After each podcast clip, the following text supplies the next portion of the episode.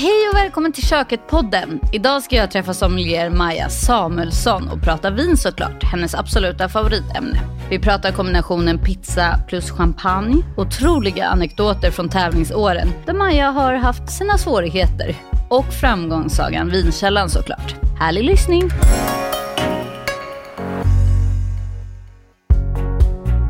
Maja Samuelsson är vinprofilen vi inte kan få nog av. Trots sin väldigt unga ålder har hon ett enormt imponerande CV som fortsätter att växa. Bland annat driver hon utbildningar på Vinkällan, företaget hon driver tillsammans med sin familj. Hon medverkar regelbundet som vinexpert i Nyhetsmorgon och har vunnit sommeliertävlingar och har nu senast medverkat som gramledare i ett amerikanskt vinprogram. Som sagt, imponerande är bara förnamnet. Varmt välkommen säger vi till Maja Samuelsson!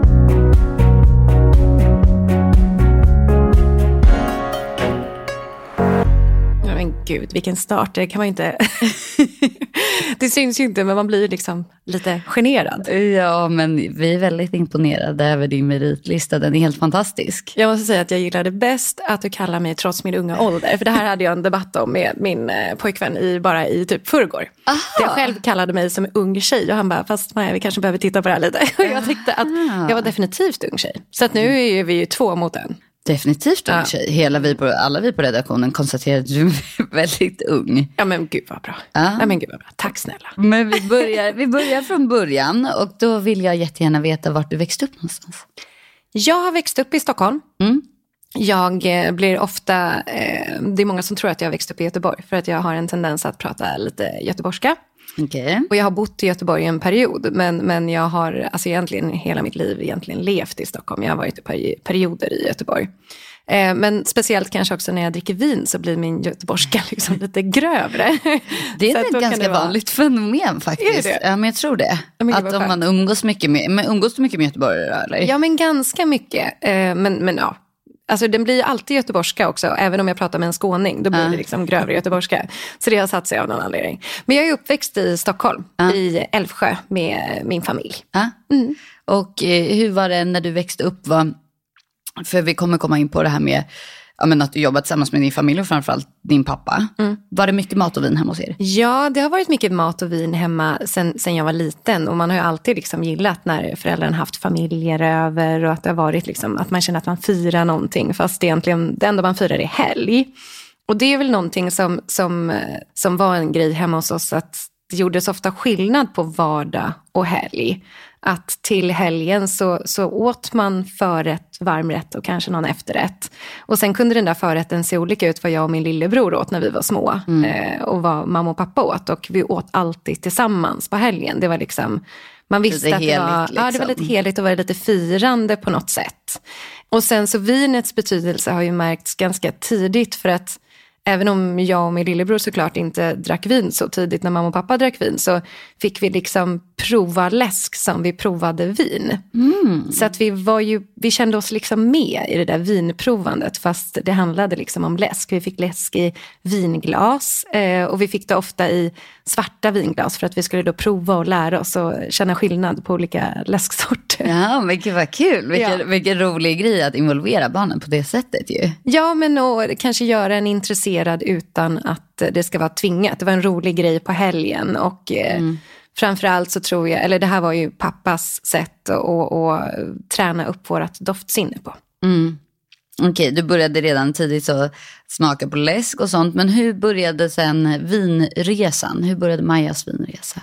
Ja, alltså den var ju mer eller mindre sen jag föddes. Mm. Det var ju eh, från Ja, jag var i en vingård första gången jag var ett halvår gammal. Mm. Så pappa mm. har ju jobbat med vin sen han var 18 och mm. det har ju varit eh, involverat i hela familjens liv på det sättet att varje gång vi är ute och reser någonstans så, så besöker man ju en vingård eller någon liksom, typ av produktion. Så att jag och min lillebror var ju verkligen så, här, så trötta på fat och cisterner när vi var små. Så att det var ju liksom, åh nej, inte en vingård till. Och det var väl också någon sån balans eh, där, där pappa var rädd att man skulle trötta ut oss också, att vi inte skulle tycka att det var kul. Mm. Men vi var ju på resor så var det verkligen så här, åh nej, gud, inte ytterligare en vingård. Mm. Så det, det har ju varit mer eller mindre där hela tiden. Och sen så öppnade mamma och pappa skolan då var ju inte jag och min lillebror jättegamla heller. Skolan är vinkällan då ska ja, jag säga. exakt, mm. exakt. Du ska få berätta mer om den strax. Ja, men så att, och då var vi mycket mera, eh, då var det väl mer typ att det blev lite konkurrens om föräldrarna med skolan. Det blev som ett till syskon. Så att de öppnade ju liksom eget företag och då var ju jag och min lillebror Eh, inte, vi var inte jättesmå, men vi var mycket hemma hos mormor liksom, medan de startade upp det. För mm. det tar ju extremt mycket stort tid. Projekt, ja. Och speciellt eftersom båda föräldrarna börjar engagera sig i det exakt samtidigt och få det att fungera så är det ju jättemycket jobb när man startar upp ett företag. Såklart. Så det var väl mer att vi fick vara mer hemma hos mormor, vilket bara har varit, tycker jag, en positiv del, för vi blev väldigt nära mm. eh, tidigt. Mysigt. Och hon däremot eh, var inte så bra på varken mat eller vin kan man inte säga. Men hon var bra på mycket annat. Det var inte därifrån den största inspirationen kom då? Nej, det kan man verkligen inte säga. Nej.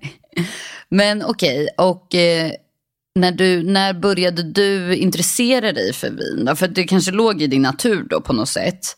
Men när blev det som att det blev ett intresse på riktigt? Ganska sent. Uh. Eh, jag jag gick ju sommelierutbildningen när jag var 18. Ja, du gjorde det. Ja, mm. och den gjorde jag väl kanske inte riktigt som man, som man skulle ha gjort. Det är väl ingenting jag har valt att berätta tidigare så.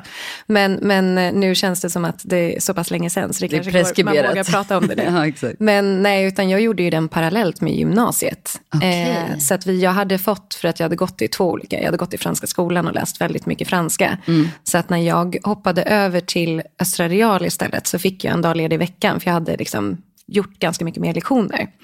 Och då passade jag på att göra som lerutbildningen då under gymnasietiden. Eh, men tyckte att det var ganska kul att gå ut på krogen och dricka mycket vin ute. Liksom. Så mm. jag kom ju dit på lektionerna och var väldigt trött varje gång och mm. satt och halvsov och verkligen inte var som man ska göra. Du vet, så här, bara för att det är en familjens skola så be- kändes det inte som att man kanske behövde anstränga sig lika Nej. mycket. Vilket gjorde ju att inför examen fick jag ju slita som väldigt mycket. Såklart. Ja, mm. för att det var ju liksom så här, men tre dagar innan så började jag ju slita och plugga jättemycket och klarade mig kanske med nöd och näppe från, eh, från att klara liksom utbildningen där. Mm. Väldigt bra på provningen fick jag, eh, men inte på, på teorin. Så mitt intresse var inte jättestort då. Jag tyckte drinkar var kul. Jag började jobba med bar. Mm. Så det tyckte jag var väldigt roligt. Men eh, vinet var inte så pass intressant tyckte jag då. Utan det var faktiskt långt senare där jag började tävla i vin. Mm. Som jag liksom bestämde mig för att plugga upp det där som jag kanske inte gjorde till sommelierutbildningen. Man hade ju en väldigt bra grund men inte på den nivån jag ville vara. Nej. Och det var då jag började få upp intresset rejält för, för vinet. Då. Men hur är det att jobba med sin familj så nära hela tiden? Är det kul eller utmanande eller både och? Jag ska säga i stora drag är det absolut mest positivt. Jag umgås väldigt mycket med min familj på grund av att vi jobbar tillsammans, vilket är ju fantastiskt att kunna mm. göra. Eh, och man blir väldigt nära på många olika sätt. Man får ju dela det. Sen så blir ju också kanske då en, alltså ens liv, vi är dåliga i familjen att umgås och inte prata jobb. Mm. Vi har blivit bättre men det var väl i början var det Lätt det enda. kan jag tänka mig. Ja. ja. men det blir ju så. Och sen så är det klart att jag menar, det, det är ju, det har ju eh, de fått erfara ibland att jag menar, man tar ju med sig privata grejer in på jobbet. Man mm. försöker inte göra det. Men alltså, det kan ju märkas om vi har liksom någon konflikt eller något så kan det märkas igenom. Så det försöker vi göra så lite som möjligt. Men det är klart att det, familjeföretag är ju speciellt. Ja. Men ja. väldigt, väldigt roligt också. Ja. Vi funderade på ifall du hade några andra drömmar. Mm. Eh, eller om det liksom var vinet som var den självklara vägen. Men du har jobbat som bartender. Jag har jobbat som bartender Ganska i många länge. år. Ja. Uh. Mitt första jobb var på Mosebacke. Mm. Där jag lärde mig att kränga öl, verkligen. Alltså mm. så här, jobba upp, eh, att vara väldigt snabb. Mm. Och det var en del drinkar och sånt på kvällen också. Men sen ville jag jobba mer med cocktail. Och då fick jag jättebra hjälp av de som jobbade på hotellet. Som fick vara mentorer, för jag hade inte alls jobbat tillräckligt länge för att jobba där egentligen. Det är där Kasai ligger nu, eller hur? Precis, ja. exakt. Mm. Eh, men, men däremot så hade jag ju fördelen, alltså man har, det är många dörrar som har öppnats på grund av att jag var utbildad sommelier tidigt när man är bar. För det var inte så många som hade det då. Nej. Nu börjar det liksom bli mer populärt. Mm. Eh, men så att eh, jag jobbade med bar där och sen så flyttade jag då till Göteborg och jobbade mycket där och på Marstrand. Sen jobbade jag som barchef på Peppes Bodega ett gäng år efter det. Och det var ju stökigt. Ja, men väldigt det kan kul. Jag tänka mig. ja, och sen hade jag faktiskt en period i Malaysia också där jag jobbade i, och utbildade bartender. Men okej, okay, du var bartender länge Och sen började du tävla i sommel sommeliereri. Ja, sommelleri. Sommeleri. sommeleri.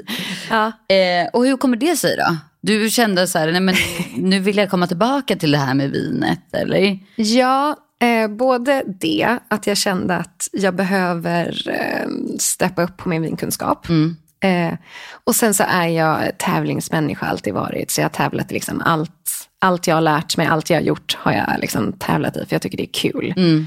Så att jag har tävlat i bartenderi och jag har tävlat i, gud, alltså i typ allt gymnastik när jag höll på när jag var liten. Mm. Jag hade en period där jag tävlade i schack, vilket också är så helt orimligt. var verkligen inte särskilt duktig och golf ännu sämre. Men jag skulle tävla ändå, men jag var Ah. katastrof. Men du känns som en tävlingsmänniska. Jag vet inte varför jag har den bilden av dig. Men det känns som att du är väldigt så målinriktad. Det kanske är därför. Ja, Men för, när började du sen jobba på vinkällan?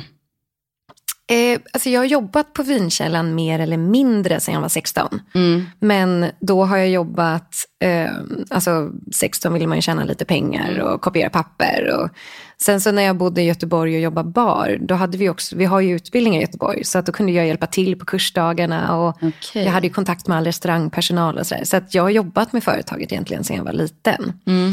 Eh, men heltid och föreläsa och sånt, gud jag vet inte. Vad kan det vara, tio år kanske? Okej, ja, men ändå Ja. länge. Men berätta om... Inte riktigt kanske. Åtta år då? Vi säger åtta. Det går säkert att kolla upp. Men berätta om vinkällan. Vad gör ni? Vi startade, mamma och pappa startade idag för drygt 20 år sedan. Mm. Eh, och vi är en skola som utbildar från början då sommelierer enbart. Eh, så det är en sommelierutbildning och då, då går man helt enkelt i en vinskola en hel dag i veckan i ett års tid ungefär. Mm. Med lite paus över sommaren och jul och så.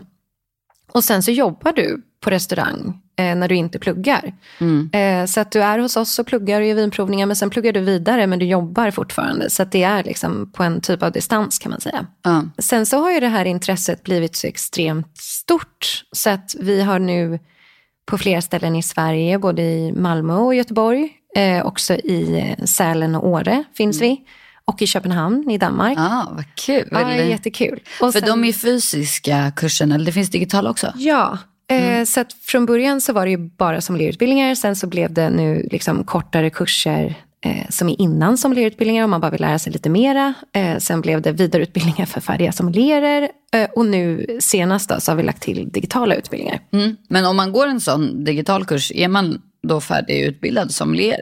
Nej, den, det är eh, utbildningen, eh, sommelierutbildningen är uppdelad i två steg. Det är även den som är fysisk. Då.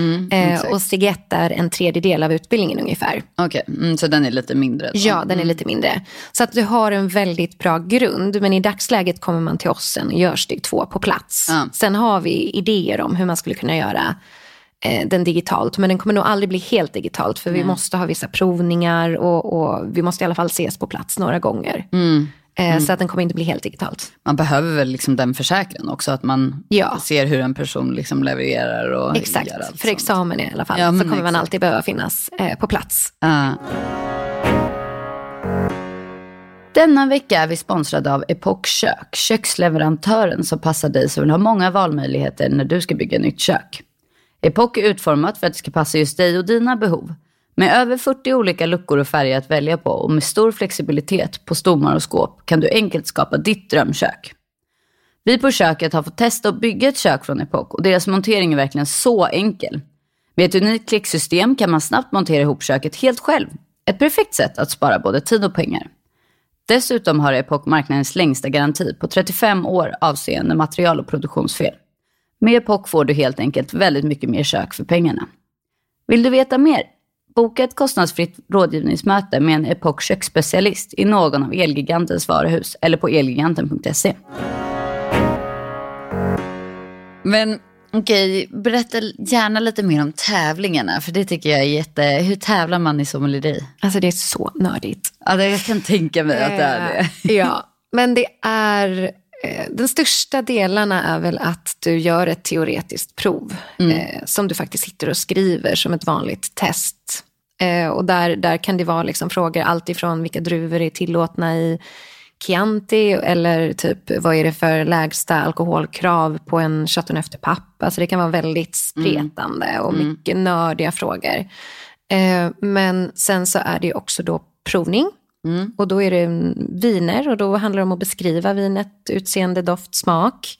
Eh, men också sen plocka vad det är för någonting då. Vilken druva är det gjort på, vilket land kommer ifrån, vilket område, vilken årgång.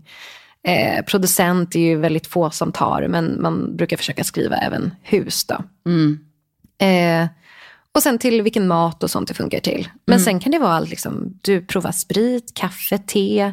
Eh, vi provar sake till exempel. Mm. Eh, sen så kan det vara mycket så här, du får långa menyer, matmenyer som du ska sätta dryck till. Och det kan vara med så här, det får bara vara alkoholfritt eller det får bara vara vitt vin från Frankrike. Eller alltså att man har liksom fällor längs vägen.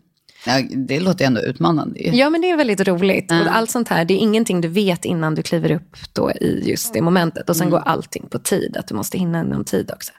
Och sen är det serveringsmoment, att servera bord. Att du ska rekommendera ett speciell flaska av de som finns på bordet till en maträtt som du sen ska servera. Och så kan det komma så frågor allt eftersom. Och det här ska du också göra på tid. Då. Kul! Ja, det är roligt. Det är roligt, men det är, eh, det är väldigt stressande. och jag har eh, tydligen en tendens att eh, misslyckas enormt när jag kliver upp på en scen. Jaha, Så jag har okej. gjort mycket så här, rejäla tabbar.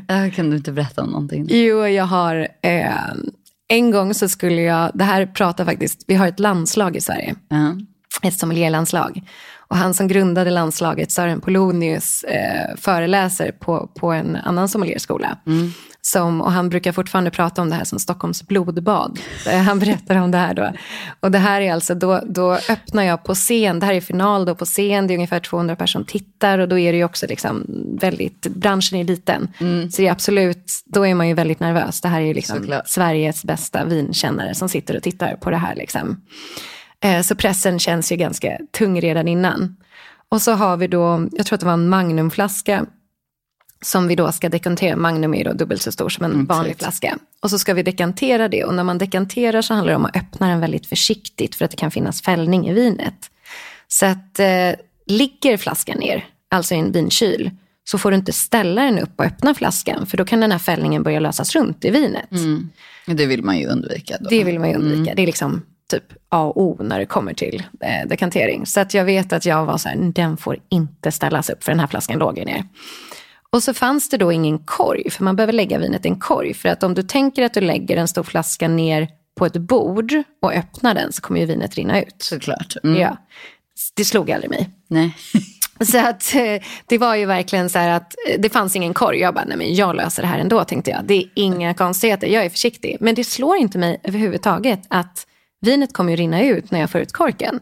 Det, det måste bara slå ett kortslutning. Ja, ja, alltså det fanns inte. För mig var det så här, den måste ligga ner, det finns ingen korg. Jag håller i flaskan, den behöver inte snurra runt. Liksom. Alltså, och det här är också då på scen, så att du kan ju tänka att all publik är ju i huvudhöjd med vinflaskan. Så alla i publiken ser ju att det här kommer ju inte gå. Det kommer aldrig gå. Vad är det hon gör liksom? Och jag fortsätter i lugn och ro och bara öppnar. Och det bara rinner. Och du vet, vita dukar överallt. Alltså det var, så, det var så mycket vin. Och rött vin på vinduk, det är så mycket vin. Och det här är också alltså, en och en halv liter vin. Allt rinner inte ut, men det är så mycket vin. Och, och du vet, så här, det, blev, det blev kaos. Och det var en av mina finaler. Jag har tre finaler, gjort misstag i alla tre. En annan final så, så var det 20 stycken olika spritsorter som skulle blindas då på tid. Och så skulle du säga vad det var för någonting, råvara, eh, etc. etc. Och jag är ju supernervös, det här var min första final. Så att jag provar igenom de här och kör igenom allihopa. Och sen när jag kommer till vid glas 18, då kommer jag ihåg att jag har inte spottat. Och det här är också alltså 20 spritsorter. Jag har druckit 18 spritsorter på scen.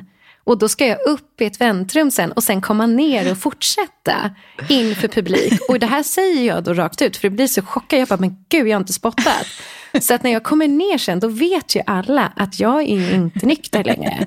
Och det var ju absolut inte. Det, alltså, det är mycket. Och så är du nervös på det och du har inte ätit så ja, bra. nej men gud. Ja. Alltså jag har absolut tagit kanske en centiliter av varje. Det är liksom... Det är 18 det, centiliter, Ja, det, är, det är och det går mycket. snabbt. Ja. Ja, nej, gud. Det, så det var en annan gång. Nej, så det, jag, jag la ner eh, tävlingarna sen en period. Eh, när jag insåg att när jag kom till final så gjorde jag ändå bara bort. Så det var liksom ingen idé. Vi pratade lite om eh, på redaktionen att Många eh, skapar ju så här eh, kändisviner. Eh, det blir mer och mer vanligt. Du har inte funderat på någonting så här att göra, inget kändisvin då, men alltså göra en egen eh, vinsort eller så? Är det någon tankebanor du går i? Kanske. Ja. Mm. Kanske. Men, men eh, det, alltså, det, det är en svår eh, fråga. Alltså det är ju mycket också så här, alltså det måste vara bra. Ja, ja men, för det var det vi pratade om just också. Så här, ifall du skulle komma med ett vin så känns det som att trovärdigheten skulle ju vara så himla hög. Och man hade haft så höga förväntningar för att du kan och för att du är så himla duktig. Men du har ju också väldigt höga krav själv kan jag tänka mig. Ja, och, och det, det är ju balansen måste finnas på att det är ett bra vin. Men sen vill jag ha ett vin som alla kan köpa. För det är också den, eh, liksom det är där, alltså från att man har tävlat vin som är supernördigt och sen när man liksom klev in och började prata om vin på Nyhetsmorgon så, så fick jag ju kämpa ganska länge med den här känslan av att många av dem som var mina vänner i branschen tyckte att jag blev kommersiell och inte jobbar kvalitetsmässigt längre. För att det är ju såklart väldigt stor skillnad på, på de priserna som jag jobbar med på TV4 och det som man tänker ofta i branschen att man ska lägga på en flaska vin. Och Exakt. också var, var kvaliteten går när vi går ner i pris på vin. För att det, det är nog inte någonting som så många tänker på. Att det blir en ganska stor skillnad på typ av producent. Och att det blir en större industri och inte lika små vinmakare och sådär.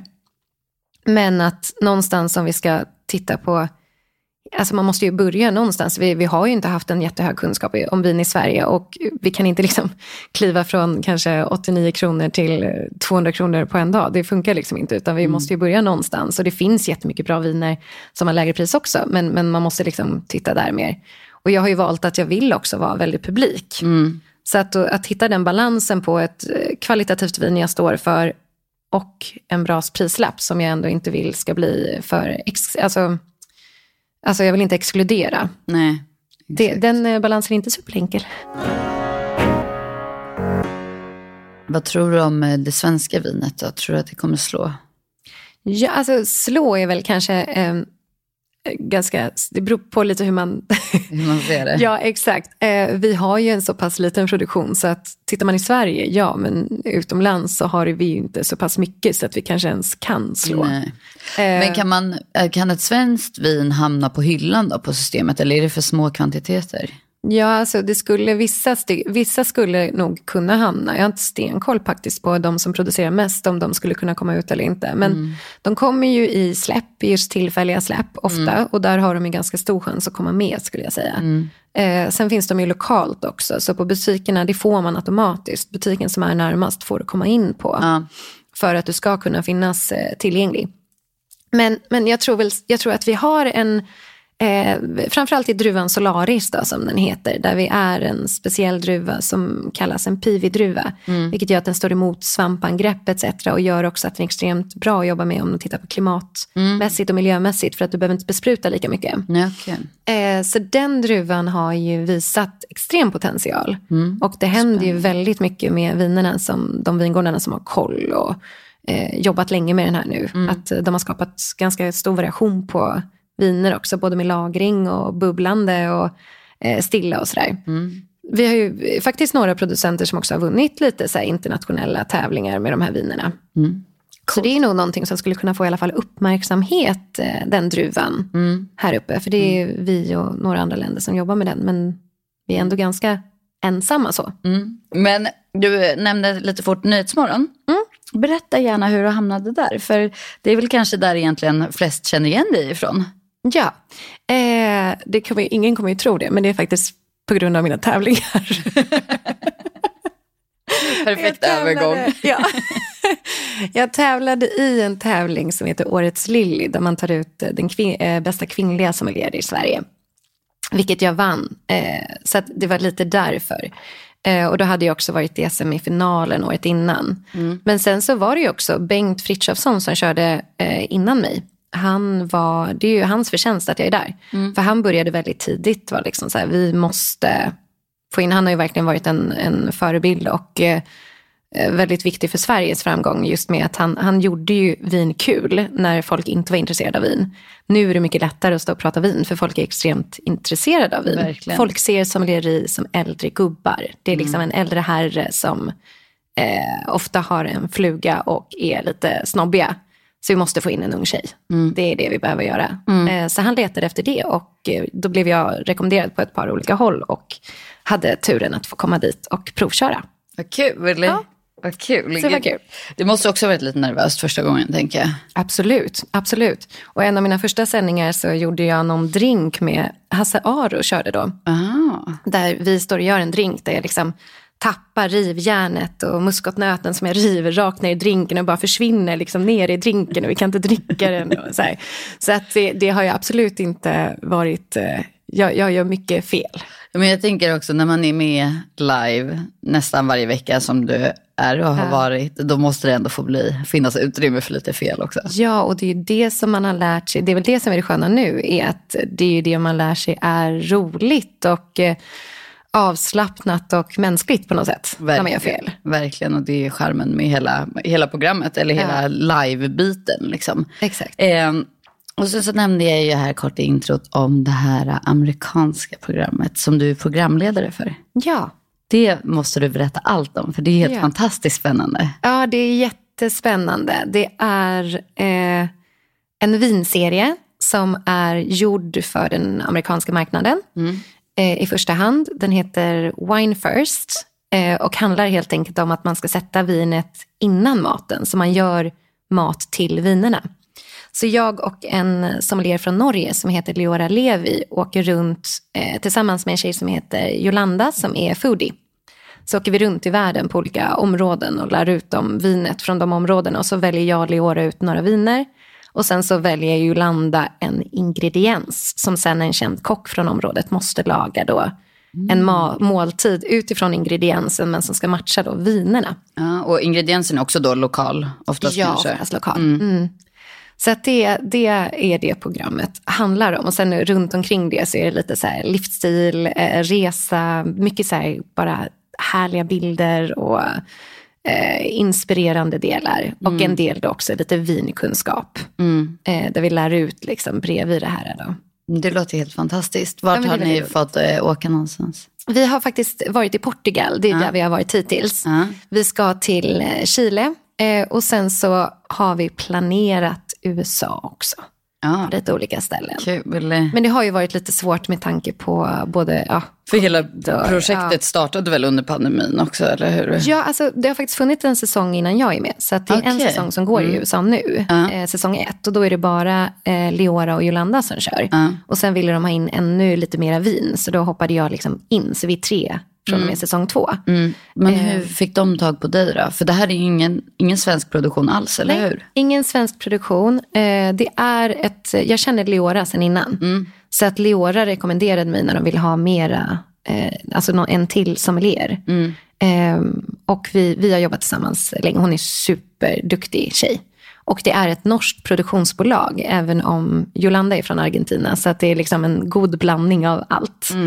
Men okej, i det här programmet så får du, har du varit i Portugal, du får resa mycket. Jag kan tänka mig att du får resa mycket generellt. Ja, det gör jag. Och- Jag reser väldigt mycket. Berätta gärna om någon, eller liksom, har du någon speciell resa som är så här extra minnesvärd? Eller något, någon destination eller resmål som du tycker om lite extra mycket? Åh gud, jag reser mycket. Jo, men champagne ligger mig väldigt nära om hjärtat. Så där är jag ofta eh, och reser. Och där handlar det väl mycket också om just att jag, jag vill ju besöka så många producenter som möjligt för att få bättre koll på området. Eftersom det är det jag föreläser mest om. Eh, men bästa resor har nog varit kanske Sydafrika, bland annat.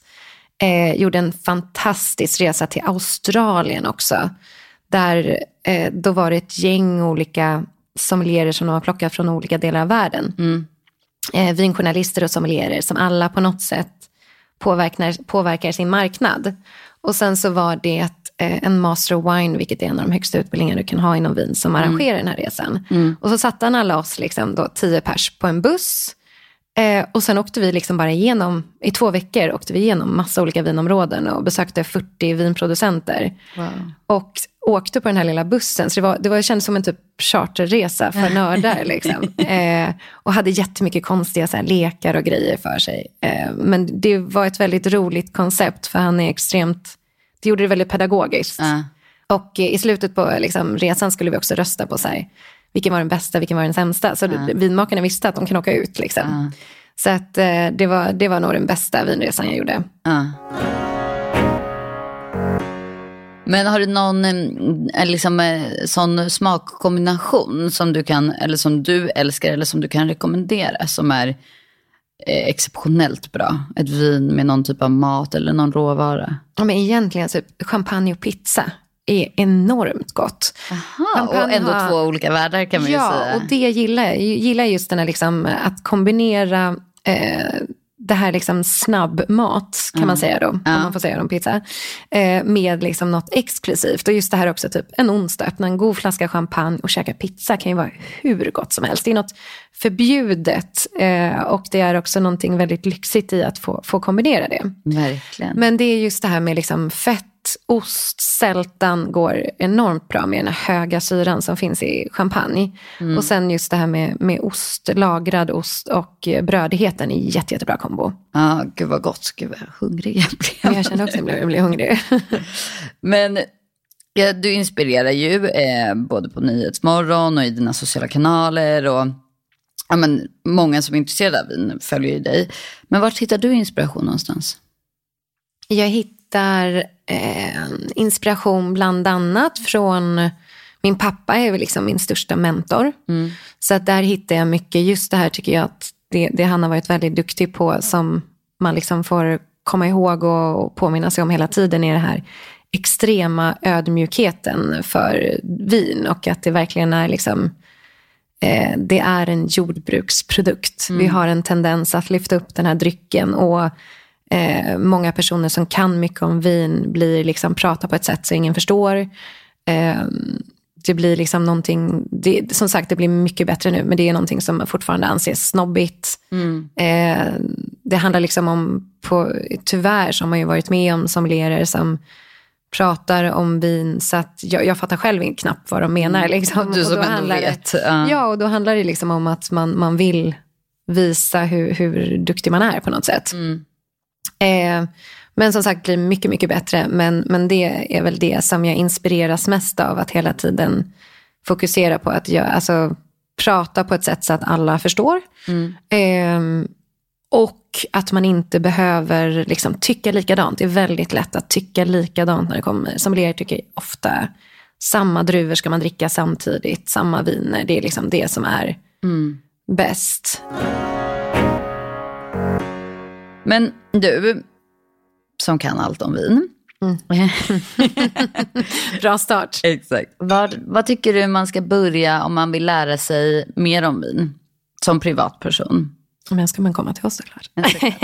Nej men jag tror så här att eh, lite beroende på vad du har för eh, kunskap så, så kan det alltid vara bra att börja med någon typ av grundkunskap. Och det kan man göra från att ta liksom digital kurs eller en vinprovning eller läsa en bok, liksom, bara för att få någon grund att stå på. Det vanliga är när man börjar lära sig vin är att man börjar åt fel håll. Man börjar lära sig producenten. För det är ju, köper man en flaska vin så börjar man läsa på om det huset. Mm. Och jag menar, när vi kommer till producenter, det finns så enormt många producenter i världen. Vi kommer aldrig kunna lära oss i, ens i närheten av alla. Så det är egentligen det sista steget man ska ta och börja lära sig producenter. Så det viktigaste kanske är om man vill få koll på vin är att börja med druvsorter och läsa på om druvorna, vart de växer, vad de tycker om svalt eller varmt klimat, vad de smakar, vad de passar på liksom, till för mat. Och sen så också då områden. Alltså, I Europa pratar vi mer områden än druvor. Då pratar vi ju eh, Rioja och Champagne och, och Bordeaux och Bourgogne. Det här är ju områden och inte druvor. Medan i. USA pratar vi Chardonnay och Cabernet Sauvignon och, och Pinot Noir på ett annat sätt. Ja. Så det är väl liksom en grej att få, få lite grundkunskap så man vet hur man ska börja ta sig vidare. Sen hemma kan man då fortsätta väldigt mycket. Eh, men kanske lär dig fem blåa, fem gröna druvor till att börja med. Och så tar du kanske fem till tio områden i Europa som är kända och läs på lite om dem. För då kommer du få en jättebra grund. Och sen att prova viner bredvid varandra. För vi öppnar ju ett vin på fredag kväll. Exakt. Och så provade vi det till maten och så tyckte vi det var gott. Och sen dagen efter kanske vi öppnar ett nytt vin eller nästa helg. Exakt. Och sen ska du jämföra de här smakerna och komma ihåg hur det smakar. För att jag menar alla viner doftar ju vin när du stoppar ner näsan i det. Eh, och sen hitta de här små, små, små nyanserna som gör att de faktiskt doftar olika. Det måste du nästan ha glasen bredvid varandra. Mm. Så vill du lära dig så ska du öppna två, tre viner bredvid varandra. Och sen då håller ju de, korka igen, in i kylen. Mm. De håller ju till nästa vecka utan konstigheter. Då kan du ta ut dem igen och prova. Om de inte skulle gå åt under helgen. Så att det Mm. Jättebra är, tips ju. Ja, och det är väldigt, väldigt viktigt tror jag om man vill lära sig att prova vin och lära sig vin på det sättet. Mm. Jag har väldigt bra uppfattning om Systembolaget och den kompetensen som finns där. Det kan jag tänka mig att du har också. De är väldigt duktiga. Har du någonting som man kan tänka på när man är på systemet? Är det något speciellt liksom man ska leta efter eller fråga om? Eller? Ja, jag skulle gå på att eh, gå på tillfälliga sortimentet. Där har vi Mm. Jag vet att du viner. förespråkar ja. det ofta. Ja, där har vi ju alltså en, en kvalitetshöjning normalt. Om man tittar på det tillfälliga. För här är det också lite det som, som vi var inne på. att eh, Stora vinproducenter, alltså Systembolaget är ju ett monopol. De har ju väldigt många butiker.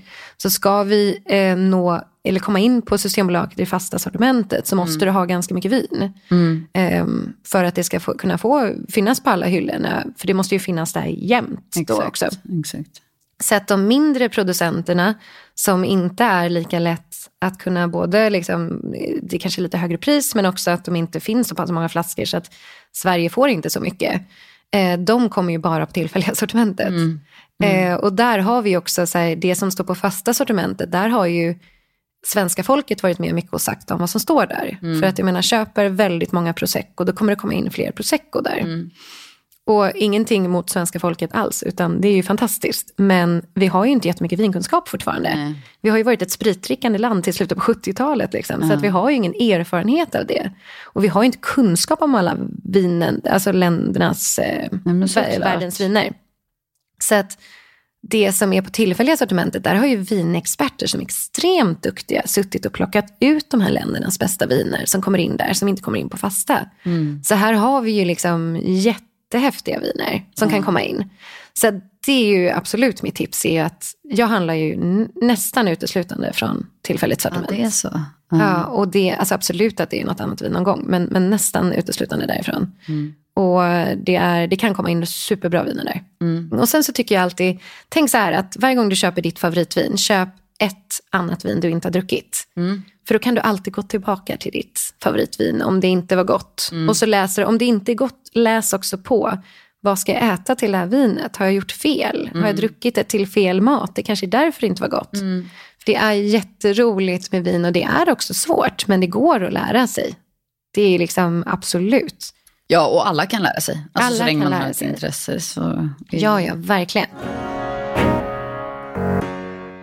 Okej, men vi inledde här med att säga att du har gjort så himla mycket trots din unga, unga ålder. Unga, unga ålder. Ja.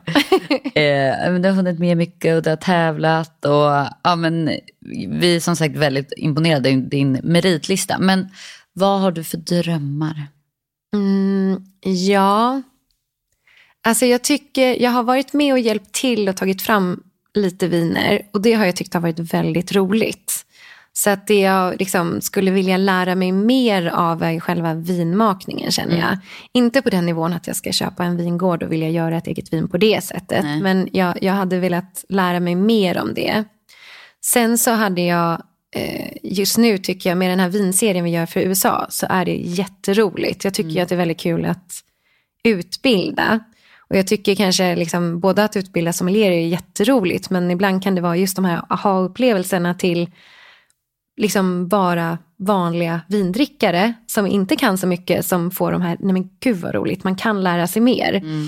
Det kanske är det roligaste. Så att jag hade ju velat göra någonting sånt fast mer för den sven- svenska marknaden. Alltså någon, någon typ av utbildande program och kanske ännu mer utbildande då än vad det här programmet är. För det är väldigt liksom, det är jätteroligt men det är väldigt amerikaniserat också. Ja, jag kan tänka. Eh, så att jag tror att eh, på någon streamingtjänst eller något hade det gjort det bra men det kanske inte är 100% för, för svenska folket. Nej, Vi är liksom mer nördiga än så ja, nu. ja. Så det hade Det varit väldigt roligt att göra liksom något nördigare vinreseprogram. Det hade varit väldigt kul. Men ingenting jag har i pipeline. Nej. Men det hade varit väldigt roligt om jag fick drömma. Ja, vad härligt. Eh, men jag tror att jag har fått svar på alla mina hundratals frågor känns som. Jag har, jag har här, du kan stå på händer. Jag kan stå på händer. För att du har tävlat i gymnastik. Jag har tävlat i gymnastik. Ah. Ja. Och det är det bästa partytricket. Ja, det, det har ju hänt Det på väster. Man har stått på huvudet och på händer. Eh, och när man, nu, nu kör jag inte gymnastik längre. Men du så- gjorde det länge ju. Ja, jag gjorde det länge. Ja. Från att jag var fyra tills att jag var ja, men kanske 24 eller något. Mm. Så, så Wow. ganska länge. Mm. Men eh, eh, alltså, såklart, stå på händer och stå på huvudet och sånt sitter Mm. ju kvar. Eh, men, men det fanns ju alltså partytrick när man skulle göra liksom bra mycket mer avancerade grejer som inte alls var så bra att göra när man har druckit vin. Så att man har kvar liksom fotleder och sånt, det är ju rena förvåningen. Det är tur. Ja, det är ju Vi bara tur. pratade faktiskt om det för att vi sa att vi var, men nu för tiden när man, jag gick också mycket på gymnasiet, eller inte mycket men liksom Ja, från när jag var typ fem till, Ja. om jag i alla fall 16-17 kanske.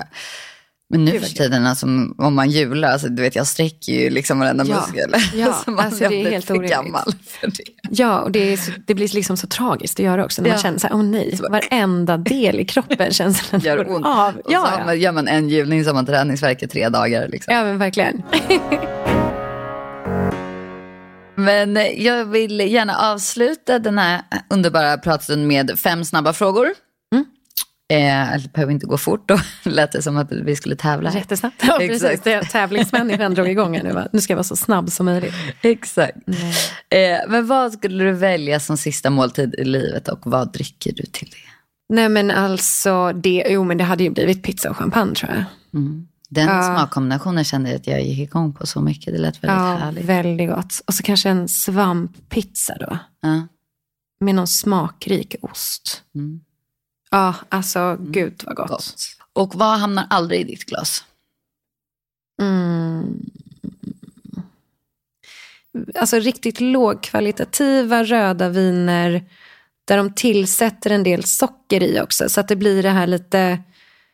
eh, Det handlar ju framförallt om balans. Liksom. Jag vill inte nämna märken. Nej. Men, men eh, alltså, det är liksom för mycket socker och det är för mycket fat och det är för liksom mycket alkohol. Mm. Viner som, som inte har den balansen, det, det är sådana viner som att då dricker jag hellre, mycket hellre vatten än eh, någonting annat. Mm. Favoritdruva? Mm. Just nu i denna sekund här, de senaste veckorna så har det varit syrra. Mm. Druckit väldigt mycket just syrra. Smakrika, goda viner, både från Rån och Australien. Och tycker det är en fantastiskt cool druvsort. Men om det skulle vara så här, dricka resten av livet, ja, men då är Pinot Noir och Chardonnay ju så klassiska druvor som du får väldigt mycket olika viner. Då får jag in min champagne. Men jag får också liksom någonting annat. Men eh, syrra just nu är jag Men vad härligt Det är att det går i perioder för dig. Väldigt du, olika. Mm. Ja, det är fantastiskt ju. Och jag har haft en Riesling-period länge. Ja. Älskar ju den druvsorten. Och nu börjar den komma upp lite mer i rykte i Sverige igen. Mm. Eh, men just nu är det syrra. Vem skulle du helst vilja äta middag med, död eller levande? Jag skulle inte döda personen. Nej. Nej, vad sa vi? Alltså, jag vill äta. Jag ska inte. Vem vill död? Eh, vem vill Ja, helst om personen vore med? död så, Så får du ändå välja den. så kan och, men då lever den när vi äter middagen. Ja. Ja. Eh, Men du får också ta en levande person. Ja. Ehm, ja, alltså om man skulle titta på typ kända personer så hade ju jag tyckt att typ sitta och, där kan man också kombinera med dryck då, men alltså typ titt, sitta och snacka över ett glas rödvin så kanske typ Obama hade varit väldigt, väldigt häftigt. Jag tror han är en, både väldigt rolig och, och eh, häftig att prata med liksom. Sen så hade jag ju eh, lätt typ druckit drinkar med Freddie Mercury på Studio 54. Dröm. Eh, men, för, eller bara typ, ja men Campari med mormor hade ju varit. Hon drack liksom alltid en Campari tonic, eller alltid men eh, på helgerna så drack hon Campari tonic. Eh, och det, alltså Campari tycker jag är extremt gott alltså. Ja. Lever din mormor? Nej, hon lever inte. Nej. Så det hade ju varit absolut det mysigaste. Ja, Ja. såklart. Och sista frågan då. Frukt i mat, vad säger du om det? Ja, nej, nej. Aldrig gillat sött i mat faktiskt. Nej. Eh, vet inte varför. Aldrig tyckt om eh, sötma i mat. Eh, tycker det är vidrigt Mm. faktiskt. Det var ett Men, eh, rakt svar. Ja, och också kan det ju vara väldigt svårt att kombinera med eh, dryck. Ja. Men, men det är inte därför, utan jag har bara aldrig gillat det. Nej. Sen finns det säkert undantag på rätter som jag skulle gladeligen slänga i mig. Liksom. Mm. Men nej, om jag får välja så har jag inte det. Då har jag fått svar på alla mina frågor och tack snälla för att du ville komma hit och prata med mig. Ja, men tack för att jag fick komma.